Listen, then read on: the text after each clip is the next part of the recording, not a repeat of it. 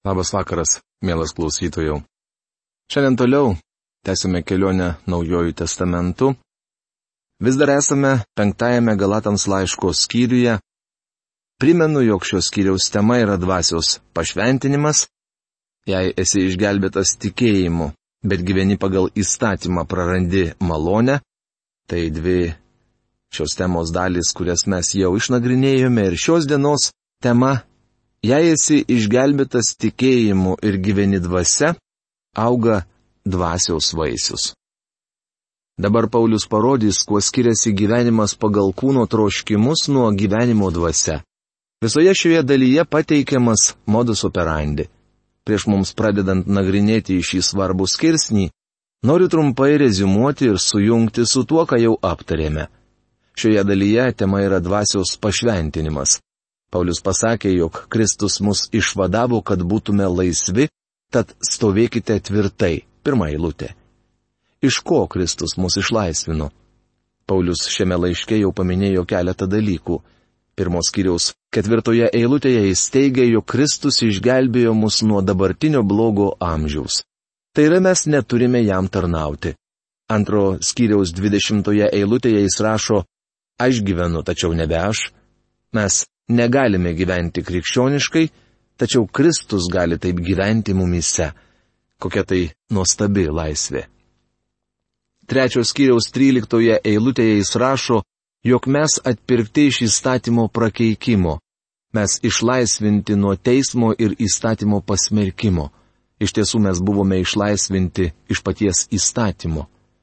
Bet atejus laiko pilnatvėjai, Dievas atsiuntė savo sūnų, gimusi iš moters pavaldų įstatymui, kad atpirktų esančius įstatymų valdžioje ir kad mes įgytume įsunystę, rašoma Galatams laiško ketvirtos kiriaus ketvirtoje penktoje eilutėse. Dabar Paulius ketina sugretinti, ką reiškia gyventi kūno troškimais ir gyventi dvasia. Štai jo įsakymas. Aš sakau, gyvenkite dvasia ir jūs nepasiduosite kūno geismams. Galatams laiško penktos kiriaus šešiolikta eilutė. Šioje eilutėje parašytas didysis krikščioniško gyvenimo principas - gyvenkite dvasia. Žodis gyvenkite yra peripateo, kuris reiškia vaikščioti pirmin atgal.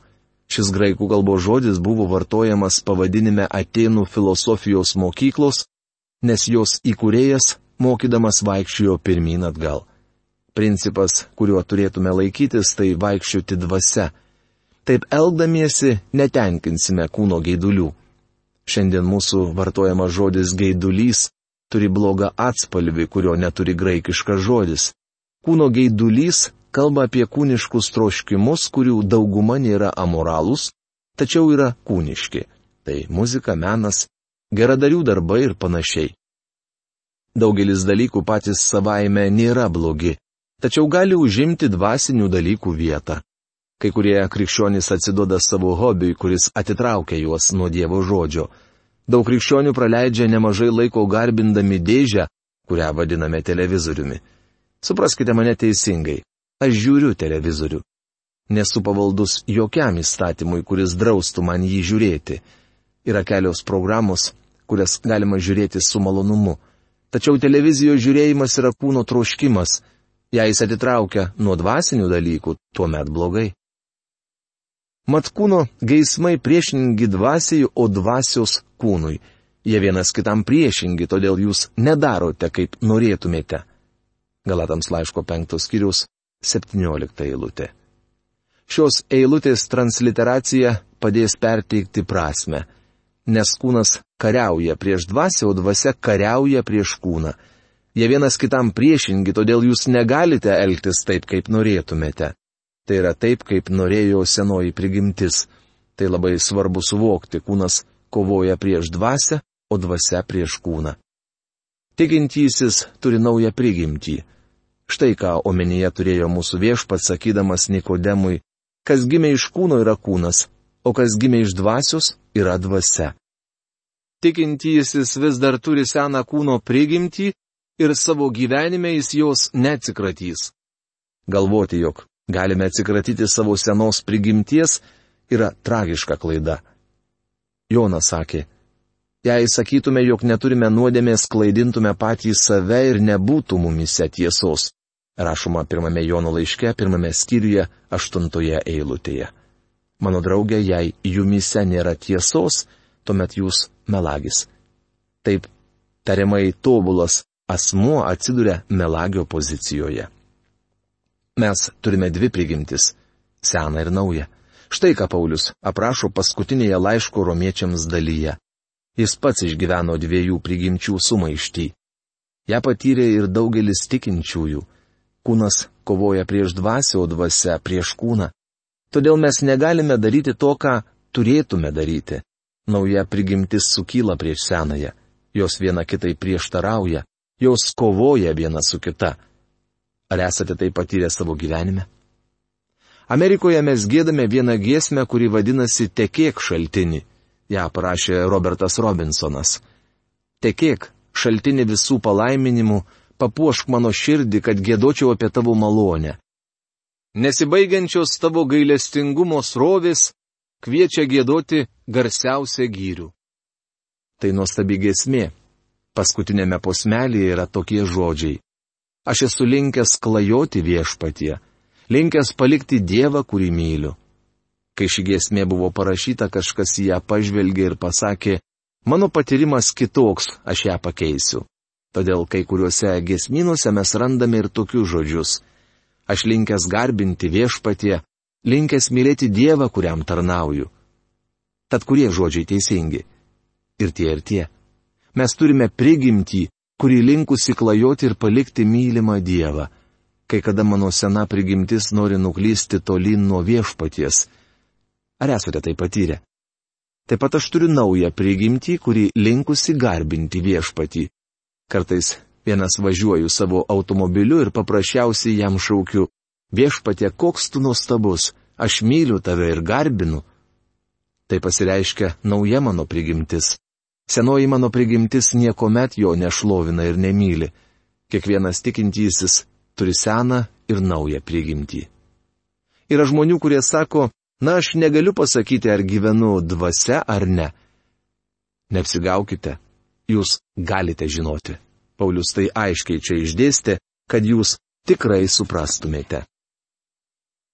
Bet jei leidžiatės dvasios vadovaujami, jūs nebesate įstatymo valdžioje. Galatams laiško 5 skyriaus 18 eilutė šventoji Dievo dvasia atveda į aukštesnį lygmenį. Toliau Paulius aiškiai išvardina, kokie yra kūno darbai. Kūno darbai žinomi - tai ištvirkavimas, netyrumas, gašlavimas, tabmeldystė, burtininkavimas, priešiškumas, nesantaika, paviduliavimas, piktumai, vaidai, nesutarimai, susiskaldimai, pavydai, girtavimai, apsirimai ir panašus dalykai. Aš jūs įspėju, kaip jau esu įspėjęs, jog tie, kurie taip daro, nepaveldės Dievo karalystės. Galatams laiško 5 skyriaus 19-21 eilutės.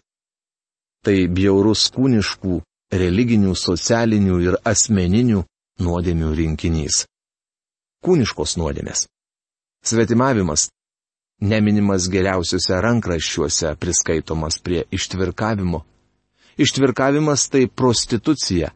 Netirumas tai graikiškai akadharsija, tai yra amoralumas, seksualinės nuodėmės, įskaitant ir pornografiją.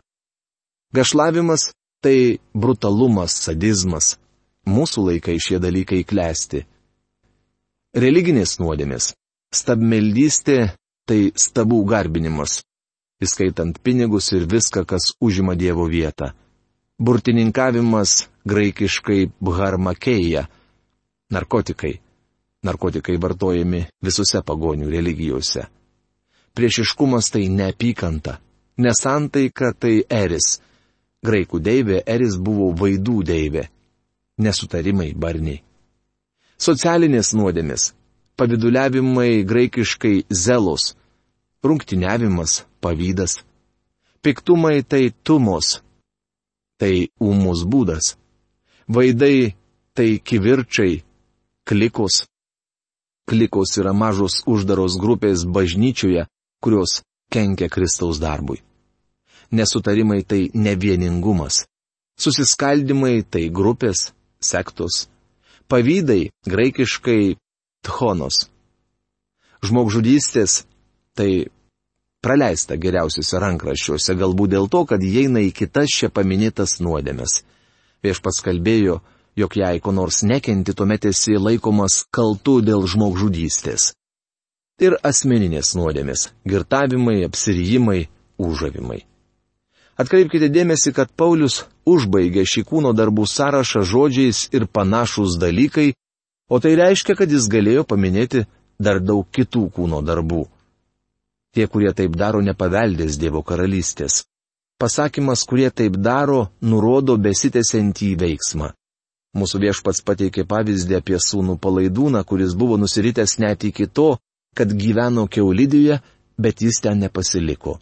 Keulidėje pasilieka tik keulis. Jei ten pateks sunus, jis bus nelaimingas, kol iš ten ištrūks. Jei nepaliauji gyventi nuodėmingai, atsiduri pavojingoje pozicijoje Tai reiškia, jog nesi Dievo vaikas. Dabar išvardinęs kūno darbus, Paulius išvardins ir dvasiaus vaisius. Atkreipkite dėmesį į kontrastą. Kūno darbai ir dvasios vaisius. Kūno darbai yra tai, ką darai. Dešimt Dievo įsakymų buvo duoti tam, kad kontroliuotų kūną. Tačiau dabar krikščioniškas gyvenimas turi nešti dvasios vaisių. Dvasios vaisius yra meilė, džiaugsmas, ramybė, kantrybė, malonumas, gerumas, ištikimybė, romumas, susivaldymas. Tokiems dalykams nėra įstatymo. Galatams laiško 5 skyriaus 22-23 eilutės. Viešpats Jėzus Kristus kalbėjo apie dvasiaus vaisių Evangelijos pagal Joną 15 skyriuje. Jis kalbėjo, jog be jo mes nieko negalime nuveikti. Jis mūsų gyvenime nori vaisiaus Jis trokšta vaisiaus, daugiau vaisiaus, daug vaisiaus. Palyginime apie sėjėją jis kalbėjo apie tai, kad sėkla neša 30 teriopą, 60 teriopą ir 100 teriopą derlių. Skaitykite Evangelijos pagal Mata 13 skyrių. Jis nori, kad neštume daug vaisiaus. Vaisių mūsų gyvenime augina viešpats Jėzus per Dievo dvasę. Jis nori gyventi savo gyvenimą per mus. Štai kodėl aš nuolat sakau, jog niekas iš jūsų nereikalauja, kad gyventumėte krikščioniškai. Dievas prašo, kad leistumėte jam gyventi per jūs. Joks tikintysis negali pats gyventi krikščioniškai. Senoji prigimtis negali nešti dvasios vaisiaus. Laiškė romiečiams 7 skyriaus 18 eilutėje Paulius aiškiai sako, jog nauja prigimtis neturi jėgos nešti dvasiaus vaisių. Mat gero trokšti sugebo padaryti ne, tai daugumos mūsų problema. Kaip daryti gerą? Tai ne paties susigalvoti veiksmai. Kaip mums leisti Dievo dvasiai nešti mūsų gyvenimuose dvasios vaisių. Tema apie tai, kaip nešti vaisių yra labai įdomi. Kalbėdamas šią temą mėgstu pateikti pavyzdį apie savo rančią. Pasadenoje turiu rančią. Jos negalima pavadinti didelę. Ji yra 72 pėdų pločio ir 123 pėdų ilgio. Mano namas yra jos viduryje. Tiesiai priešais auga nektarino medis, kuris tikrai neša vaisių. Auginu tris apelsinmedžius, keturis avokadų medžius, citrinmedį bei keletą kitų vaismedžių. Per visus metus Kalifornijoje nėra tokio laikotarpio, kad ant kurio nors vaismedžių neauktų vaisius. Pastebėjau, jog vaisių atneša medis, o ne pastangos. Kiek žinau, niekada nebūna taip, kad šakos susitiktų ir sakytų, Na dabar paplušėkime ir pasistengime dėl magi, nes jam patinka vaisiai. Tikrai vaisiai man patinka, tačiau kiek man žinoma, šios nešančios vaisių šakos paprasčiausiai atsiveria saulė ir lietui. Pirmiausia pasirodo žiedai, vėliau mažos žalių vaisių užuomasgos, vaisiai auga ir subręsta. Žinau dar vieną dalyką. Šakelės niekuomet nepalieka medžio kamieno, jos nenulipa ir nebėgioja aplinkui. Mūsų viešpats mokė, kaip šakelė negali duoti vaisiaus pati iš savęs, nepasilikdama vynmedyje, taip ir jūs be vaisiai nepasilikdami manyje. Rašoma Jono Evangelijos 15 skyriaus ketvirtoje eilutėje. Mūsų problema ta, kad atnašaujame save Dievui kaip gyvą auką, tačiau kai aukuras įkaista, mes nuo jo nušliaužiame. Jei norime nešti vaisių, turime pasilikti Kristuje. Kad jį suprastume, Paulius nurodo principą, kaip nešti vaisių. Vaisius duodamas atsiveriant mus supančiai aplinkai. Aš nekalbu apie pasaulį, Paulius taip pat neturi omenyje pasaulio. Mes turime pasiduoti šventai dvasiai, kuri gyvena mumise. Šventoji dvasia nori nešti vaisių. Dvasios vaisius yra meilė, džiaugsmas, ramybė. Atkreipkime dėmesį, jog čia pavartota vienaskaita - vaisius, o ne vaisiai. Galite ginčytis dėl gramatikos, tačiau graikų kalboje čia taip pat pavartota vienaskaita. Tai parodo, jog meilė yra vaisius ir kad iš jos kyla visi kiti vaisiai. Meilė yra svarbiausia. Paulius sako, jog be meilės mes žvangantis varis ir skambantys simbolai. Niekuomet nebuvo numatyta, kad pirmo laiško korintiečiams 13 skyrius bus išimtas iš Biblijos, gražiai įrėmintas ir pakabintas ant sienos. Jis priklauso dvasios dovanoms, o dovanos veikia tik per dvasios vaisių, tai yra meilė. Dovanos negali veikti kitaip kaip tik meilė, kuri yra dvasios vaisius. Meilė yra visų svarbiausia. Toliau pirmame laiške korintiečiams 13 skyriuje Paulius sako, jog jei atiduotum savo kūną sudeginti ir išdalytum visą, ką turi, bet neturėtum meilės, būtum niekas. Mes turime suvokti, kaip svarbu tai, ką kalba Paulius. Pirmo laiško korintiečiams 13 skyriuje Paulius dar sako, kad meilė neieško savo naudos, meilė visuomet daro ką nors dėl kitų, dovana visuomet turi veikti bažnyčioje, tai dvasios apraiška visiems tikintiesiems. Visi tikintieji turi dovaną ir ji turi būti naudojama visų tikinčiųjų labui. Mano akis tarnauja visam kūnui. Jos vedo mano kūną teisinga linkme. Jos svarbios. Negaliu įsivaizduoti, kad mano akis mindžiotų visą mano kūną sakydamos. Mums patinka žvalgytis aplinkui, o tavo kojos pavarksta, todėl mes trumpam tave paliksime. Taip niekuomet nenutinka. Turime suprasti, kad jokia dovana be dvasios vaisiaus negali būti naudojama, o tas vaisius yra meilė. Apie tokį vaisių viešpats Jėzus kalbėjo Evangelijos pagal Joną 15 skyriuje. Vaisius yra dvasios vaisius. Dvasios vaisius yra meilė, džiaugsmas, ramybė, kantrybė, malonumas, gerumas, ištikimybė, romumas, susivaldymas. Tokiems dalykams nėra įstatymo. 22-23 eilutės. Tokiems dalykams nėra įstatymo. Įstatymo prieš juos ir įstatymo, kuris juos pagimdytų. Savo pastangomis negali pagimdyti ne vieno iš šių vaisių. Pavyzdžiui, ar kada nors bandėte būti romus. Jei stengtumėtės būti romus ir jums pavyktų, imtumėte didžiuotis, kad tapote ramus ir taip prarastumėte savo romumą ir nusižeminimą. Minutėliai pažvelkime į dvasios vaisių.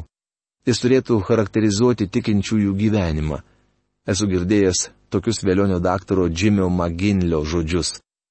Nenoriu jūsų teisti, tačiau esu vaisių inspektorius ir turiu teisę pamatyti, kokį vaisių nešate. Noriu paklausti, ar jūs nešate vaisių savo gyvenime? Jei esate tikintysis, jūsų širdyje ir gyvenime turėtų tarpti meilė, Tačiau, draugė, jei jūsų gyvenime tarpsta kūniškos nuodėmės, niekuomet nesuprasite, kas yra tikra meilė.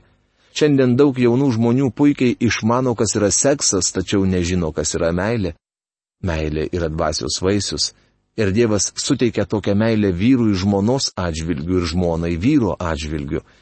Nemanau jau, kas nors gali mylėti taip, kaip du krikščionis. Oi kaip jie gali vienas kitą mylėti. Niekuomet nepamiršiu to vakaro, kai pasipiršau savo žmonai. Kai sutikome, meldėmės ir pašventėme savo gyvenimą viešpačiui. Aš jai pasakiau, esu pamokslininkas, kalbantis paprastai. Galbūt kurią dieną susilauksiu nemalonumų, galime atsidurti gatvėje. Niekuomet nepamiršiu to, ką į man pasakė. Kągi, jei jai tau teks atsidurti gatvėje, aš priimsiu tą malonę iš viešpaties. Tai aukštesnio lygio meilė. Kai netekome pirmagimės dukrelės, nenorėjau, kad apie tai mano žmonai praneštų gydytojas. Aš pats norėjau jai pasakyti. Kai pranešiau jai apie nelaimę, mes draugė verkėme, o vėliau meldėmės. Tokia meilė yra šventosios dvasios vaisius. Viešpats Jėzus trokšta, kad jūsų gyvenime auktų ir džiaugsmo vaisius. Jis atėjo, kad mes džiaugtumėmės, kad mums būtų smagu. Norėčiau, kad šiandien mūsų bažnyčios būtų linksmesnės. Kokteilių baruose pasauliečiai turi taip vadinamą laimės valandą. Ateidami žmonės netrodo labai laimingi ir jau tikrai netrodo laimingi iš ten išeidami. Tik įsivaizduokit, juk jie nepataisomų girtuoklių gauja. Tai ne džiaugsmas, Jonas rašo, ir tai mes rašome, kad jūsų džiaugsmas būtų tobulas. Pirmame Jono laiške, pirmame skyriuje, ketvirtoje eilutėje. Visą tai buvo užrašyta, kad jūs iš tiesų mėgautumėtės gyvenimu. Drauge, ar šiandien jūs tikrai džiaugiatės? Viliuosi, kad taip, jei esate tikintysis. Trečiasis vaisius yra ramybė. Dievo ramybė. Religija to duoti negali. Tik Kristus gali dovanoti jums visišką ramybę. Taigi nuteisinti tikėjimu gyvename taikoje su Dievu per mūsų viešpati Jėzų Kristų, rašoma rumiečiams laiško penktos skyriaus pirmoje eilutėje. Kosto burbulio vertime šie eilutė skamba tiksliau. Taigi, išteisinti tikėjimu, turime ramybę su Dievu per mūsų viešpati Jėzų Kristų. Yra dar keletas kitų vaisių. Ar jūs esate kantrus, tai yra pakenčiantis ir susivaldantis? Šioje sferoje man reikalinga pagalba ir tik Dievo dvasia gali man padėti. Aš supratau, jog pats negaliu toks būti. Dar yra malonumo arba švelnumo vaisius, o taip pat gerumo vaisius, kuris reiškia, jog žmogus malonus, tačiau tvirtas. Šiame sąraše ištikimybė reiškia lojalumą. Jei esate Dievo vaikas, būsite ištikimas. Jei turite šeimą, būsite ištikimas savo vyrui arba žmonai. Jei esate darbuotojas, būsite ištikimas savo darbui ir savo viršininkui. Jei esate bažnyčiaus narys, būsite ištikimas savo bažnyčiai. Jūs būsite ištikimas, kad ir kur būtumėte, kad ir ką darytumėte. Toliau kalbama apie romumą ir tai nereiškia, jog žmogus minkštas. Du iš tikrųjų romus žmonės buvo Mozė ir viešpats Jėzus Kristus. Galbūt nemanote, kad Mozė buvo romus, kai nužengė nuo kalno, pamatė žmonės, garbinančius auksinį veršį ir juos griežtai nubaudė. Tai aprašyta išeimo knygos 32 skyriuje. Tačiau jis buvo romus. Ar Jėzus buvo romus, kai iš šventyklos išvijo pinigų keitėjus? Romumas nėra minkštumas arba silpnumas. Romumas reiškia, jog vykdysite Dievo valią, jog norite pavesti savo valią Dievo valiai. Galiausiai kalbama apie susivaldymą. Tai yra savitvarda, kuri šiandien krikščionims labai reikalinga. Mielas klausytojau, šiai temos daliai užbaigti mums pritrūko laiko. Kitoje mūsų laidoje išnagrinėsime paskutinėsias tris likusias eilutes. O šiandien savo laidą baigiame. Iki malonaus sustikimo. Sudė.